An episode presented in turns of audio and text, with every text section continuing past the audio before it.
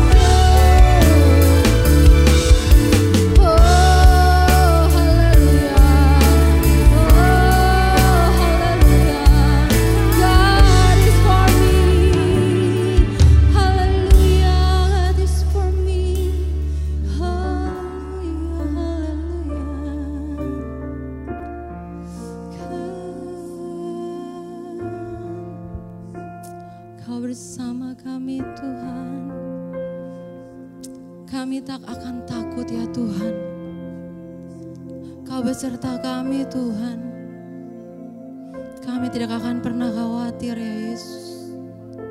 Kau yang kuatkan kami Tuhan. Kau yang teguhkan kami Yesus.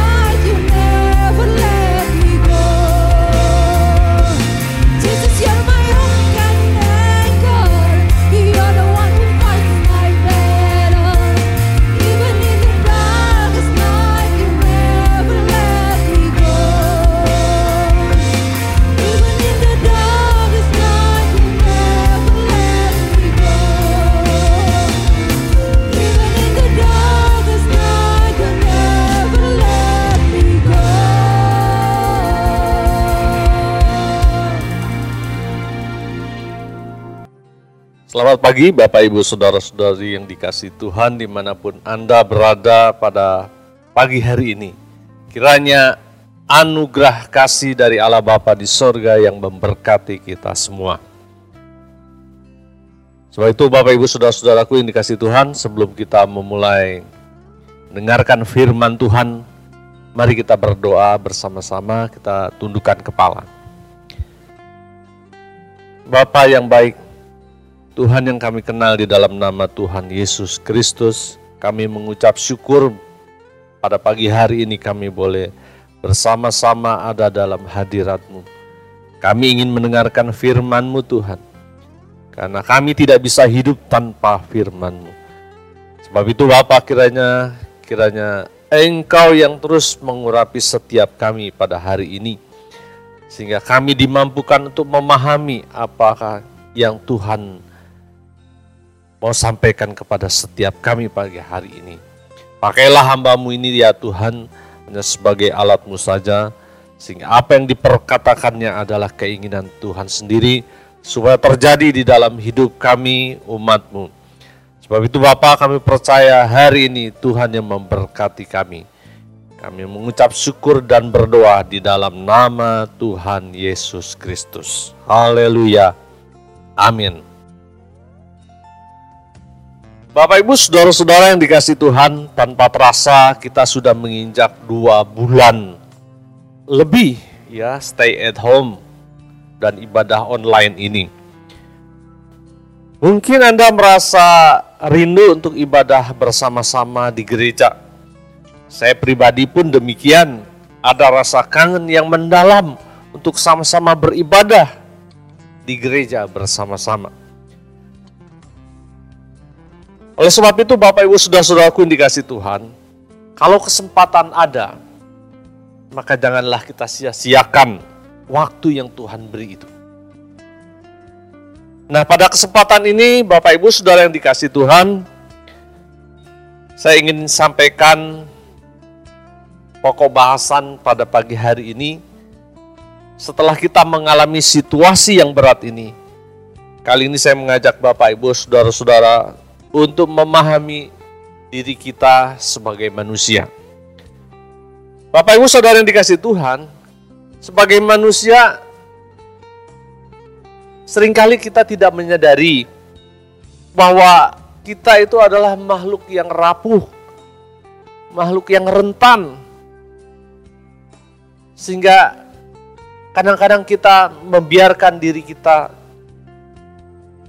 menjadi orang-orang yang senantiasa mengikuti kemauannya sendiri. Nah, saudaraku yang dikasih Tuhan, pada kesempatan pagi hari ini, saya mengajak Bapak Ibu Saudara sekalian untuk kita sama-sama bergantung sepenuhnya kepada Tuhan Allah Bapa di sorga, Allah Sang Pencipta kita. Janganlah kita bergantung kepada yang lain. Janganlah kita bergantung kepada kepintaran kita, ilmu pengetahuan kita, bergantung kepada harta benda kita atau mungkin kita bergantung pada jabatan kita dan sebagainya. Mari kita hanya bergantung kepada Allah kita. Allah yang kita kenal di dalam nama Tuhan Yesus Kristus. Maka ia akan memberikan kepada kita kekuatan. Dari dikasih Tuhan di dalam 2 Timotius 1 ayatnya yang ketujuh firman Tuhan berkata.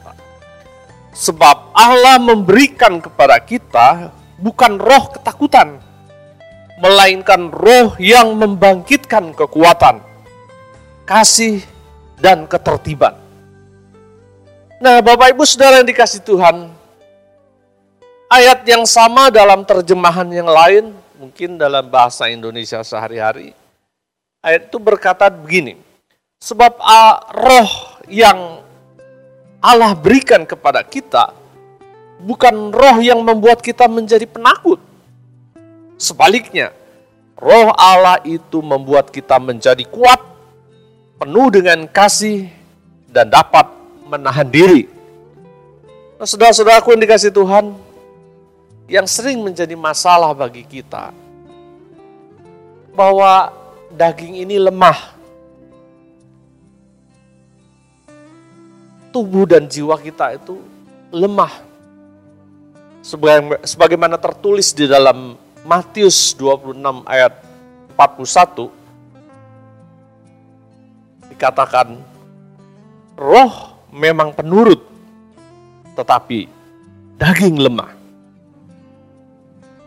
Bapak Ibu Saudara dikasih Tuhan, manusia itu terdiri dari tubuh, jiwa, dan roh.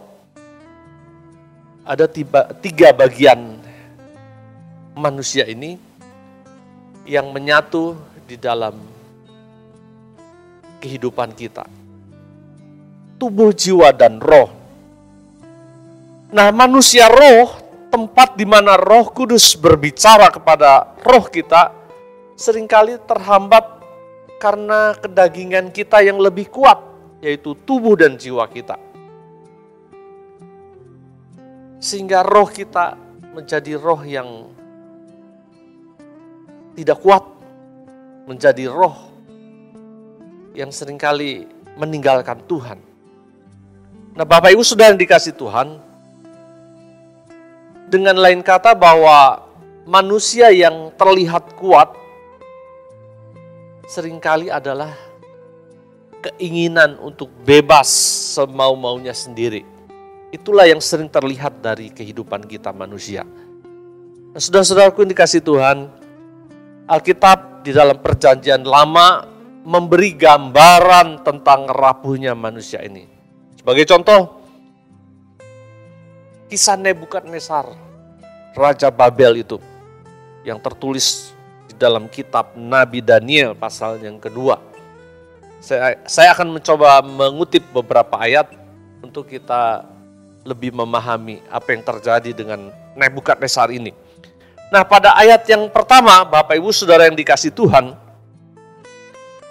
dikatakan begini, pada tahun yang kedua pemerintahan Nebukadnezar bermimpilah Nebukadnezar. Karena itu hatinya gelisah dan ia tidak dapat tidur. Nah Bapak Ibu Saudara yang dikasih Tuhan, Nebukadnezar bermimpi. Kemudian karena mimpinya ini, ia menjadi gelisah, tidak dapat tidur. Nah, saudaraku, karena mimpi saja, ya, mimpi yang membuat ia menjadi galau, tidak bisa tidur. Responnya apa yang terjadi atas Nebukadnezar ini, saudara? Kalau kita perhatikan pada ayat yang ke-12 dari kitab Nabi Daniel ini, dikatakan begini, maka raja menjadi sangat geram dan murka karena hal itu. Lalu dititahkannya lah untuk melenyapkan semua orang bijaksana di Babel. Saudara yang dikasih Tuhan, respon yang terjadi atas Nebukadnezar adalah ayat 12 ini. Ada ratusan nyawa yang terancam binasa. Nah, saudaraku, mungkin kalau yang galau, mungkin yang gelisah seorang biasa, itu akibatnya paling biasa-biasa saja. Lah kalau seorang raja luar biasa sekali. Nah Bapak Ibu sudah yang dikasih Tuhan. Walaupun sama-sama manusia, tetapi kita melihat bahwa Raja Nebukadnezar ini memiliki kuasa untuk melakukan segala sesuatu. Lah kalau respon dia tidak baik terhadap sesuatu yang terjadi atasnya, maka luar biasa yang terjadi.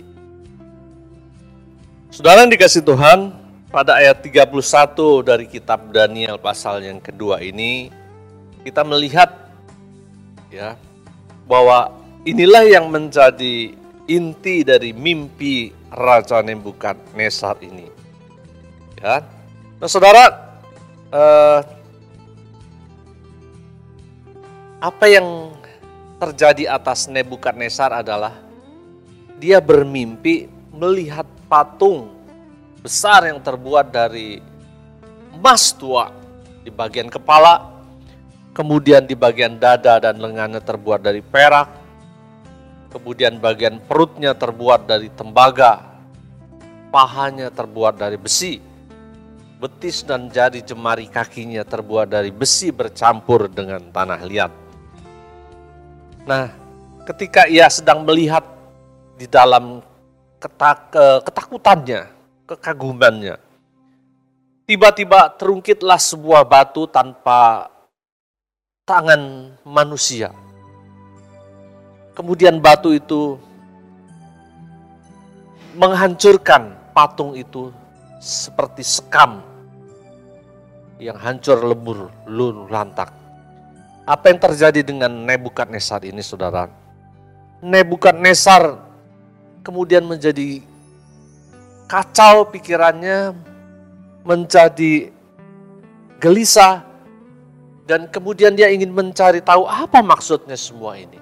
Dan responnya adalah ketika ia menjumpai para kasdim di Puri Susan itu, mereka tidak tahu. Yang mimpi adalah Nebukadnezar, tetapi dia bertanya kepada para ahli orang-orang bijaksana di Puri Susan itu, mereka bertanya, Raja mimpi apa? Nah justru di situlah Raja yang bertanya, engkau harus tahu mimpiku.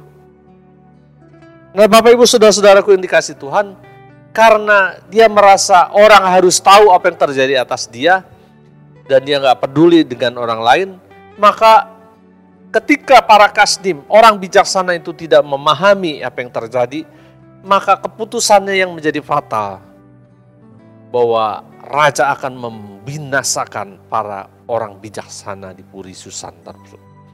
Nah, saudara,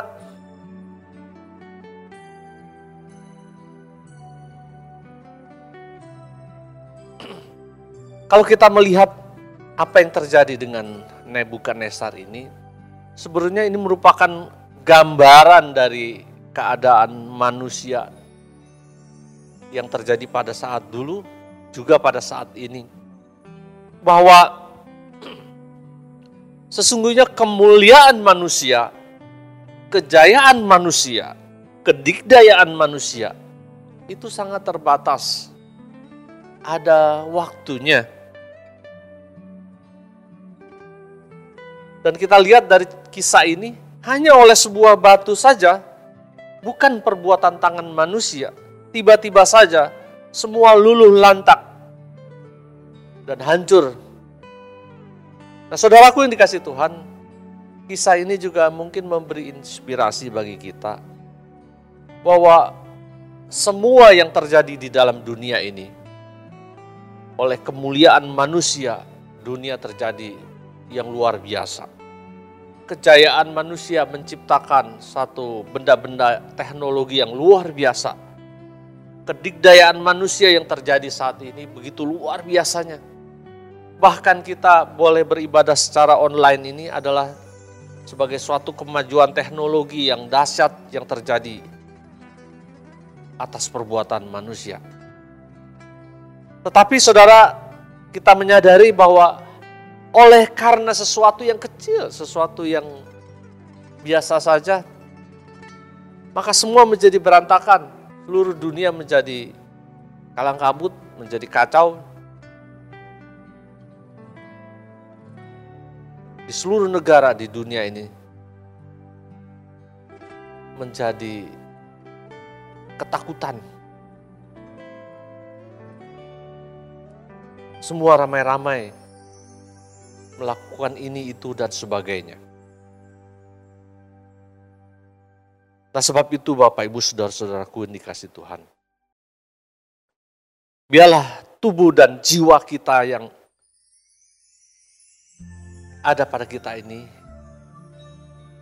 biar diproses oleh Tuhan menjadi lemah lembut untuk membukakan pintu bagi Roh Kudus untuk mengendalikan manusia roh kita menjadi lebih kuat untuk mengendalikan seluruh tubuh kita. Bapak Ibu Saudaraku yang dikasih Tuhan, sebab itu pada ibadah kita dalam rangkaian Pentakost Revival ini, biarlah kita mengundang kuasa Roh Kudus terus untuk mengurapi setiap kita, mengurapi Bapak Ibu Saudara-saudara, untuk kita supaya menjadi lebih kuat di dalam Tuhan. Kita tidak menjadi takut lagi dengan isu ini itu dan sebagainya. Kita tidak takut lagi pada hari depan kita. Kita tidak takut lagi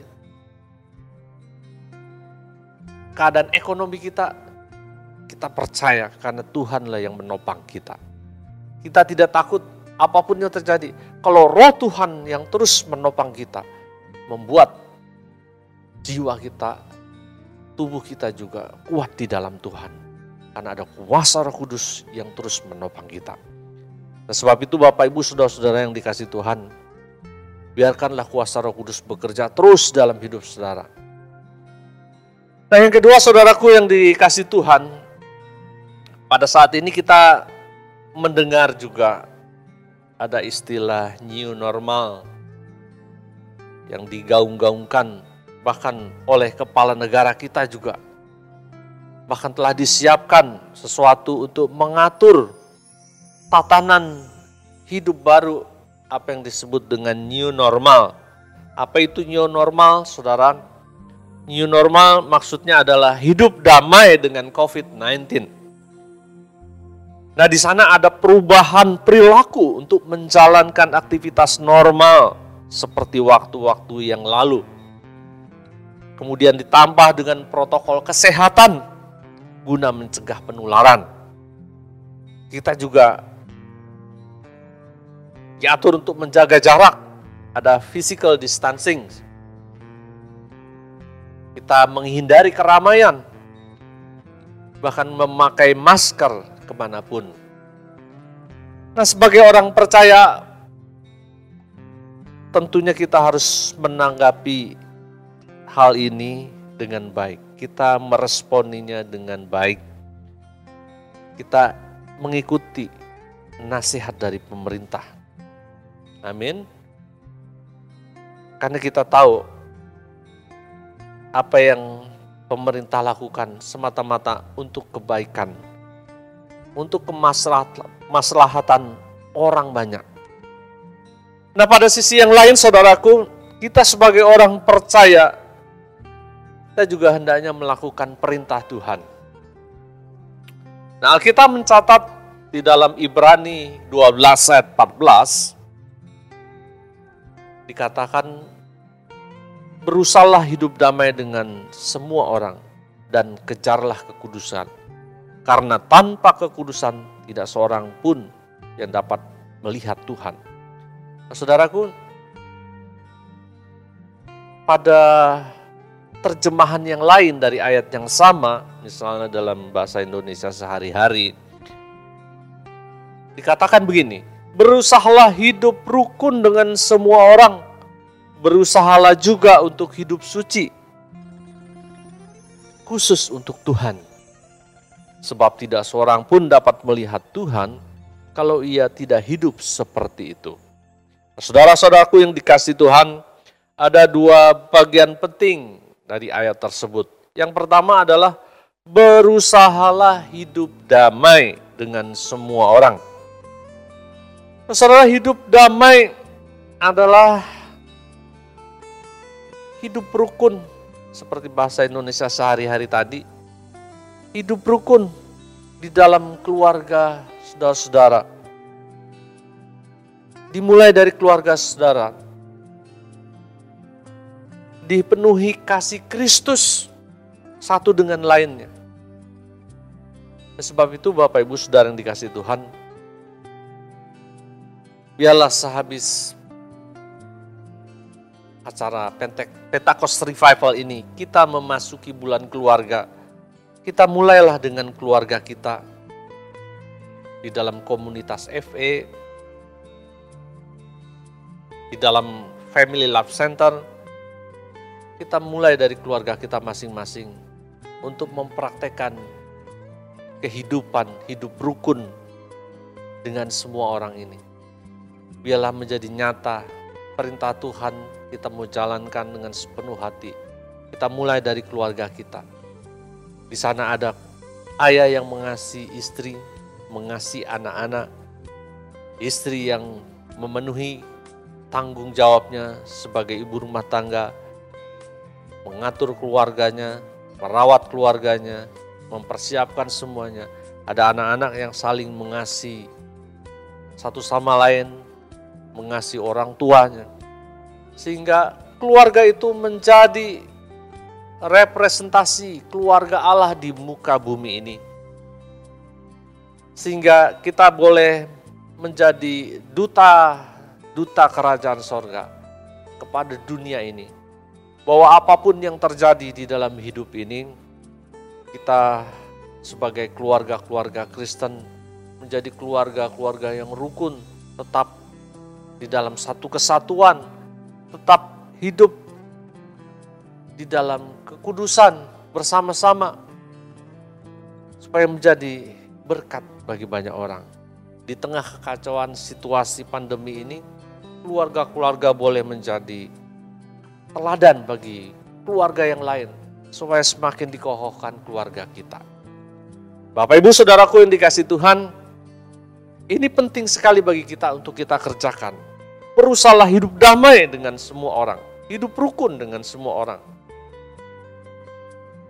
Kemudian yang kedua, bagian terpenting dari Ibrani 12 ayat 14 tadi dikatakan kejarlah kekudusan. Artinya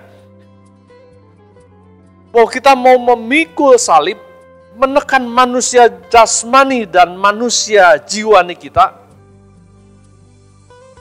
sehingga kita membiarkan kuasa roh itu yang terus memperbaharui roh kita sehingga roh kita dapat dijama oleh kuasa Roh Kudus yang telah dicurahkan oleh Bapa di sorga. Ketika Tuhan Yesus mati, bangkit, dan naik ke sorga, ia mencurahkan rohnya untuk menolong kita, untuk mendampingi kita sampai kesudahan alam semesta ini. Nah Bapak Ibu, saudara-saudaraku yang dikasih Tuhan, jadi betapa pentingnya kuasa roh kudus itu terus mengalir dalam kehidupan kita.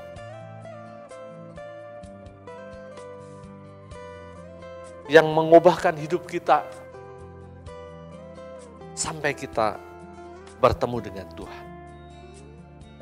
Saudara-saudaraku yang dikasih Tuhan,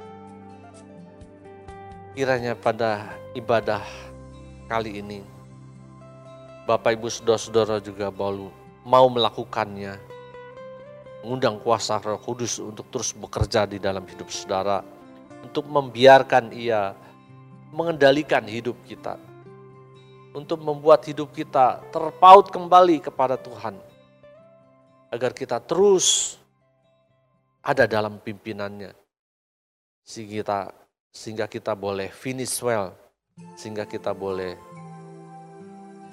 melakukan kekristenan kita seperti yang Tuhan inginkan. Kiranya pada pagi hari ini apa yang saya sampaikan tidak saya panjangkan lagi.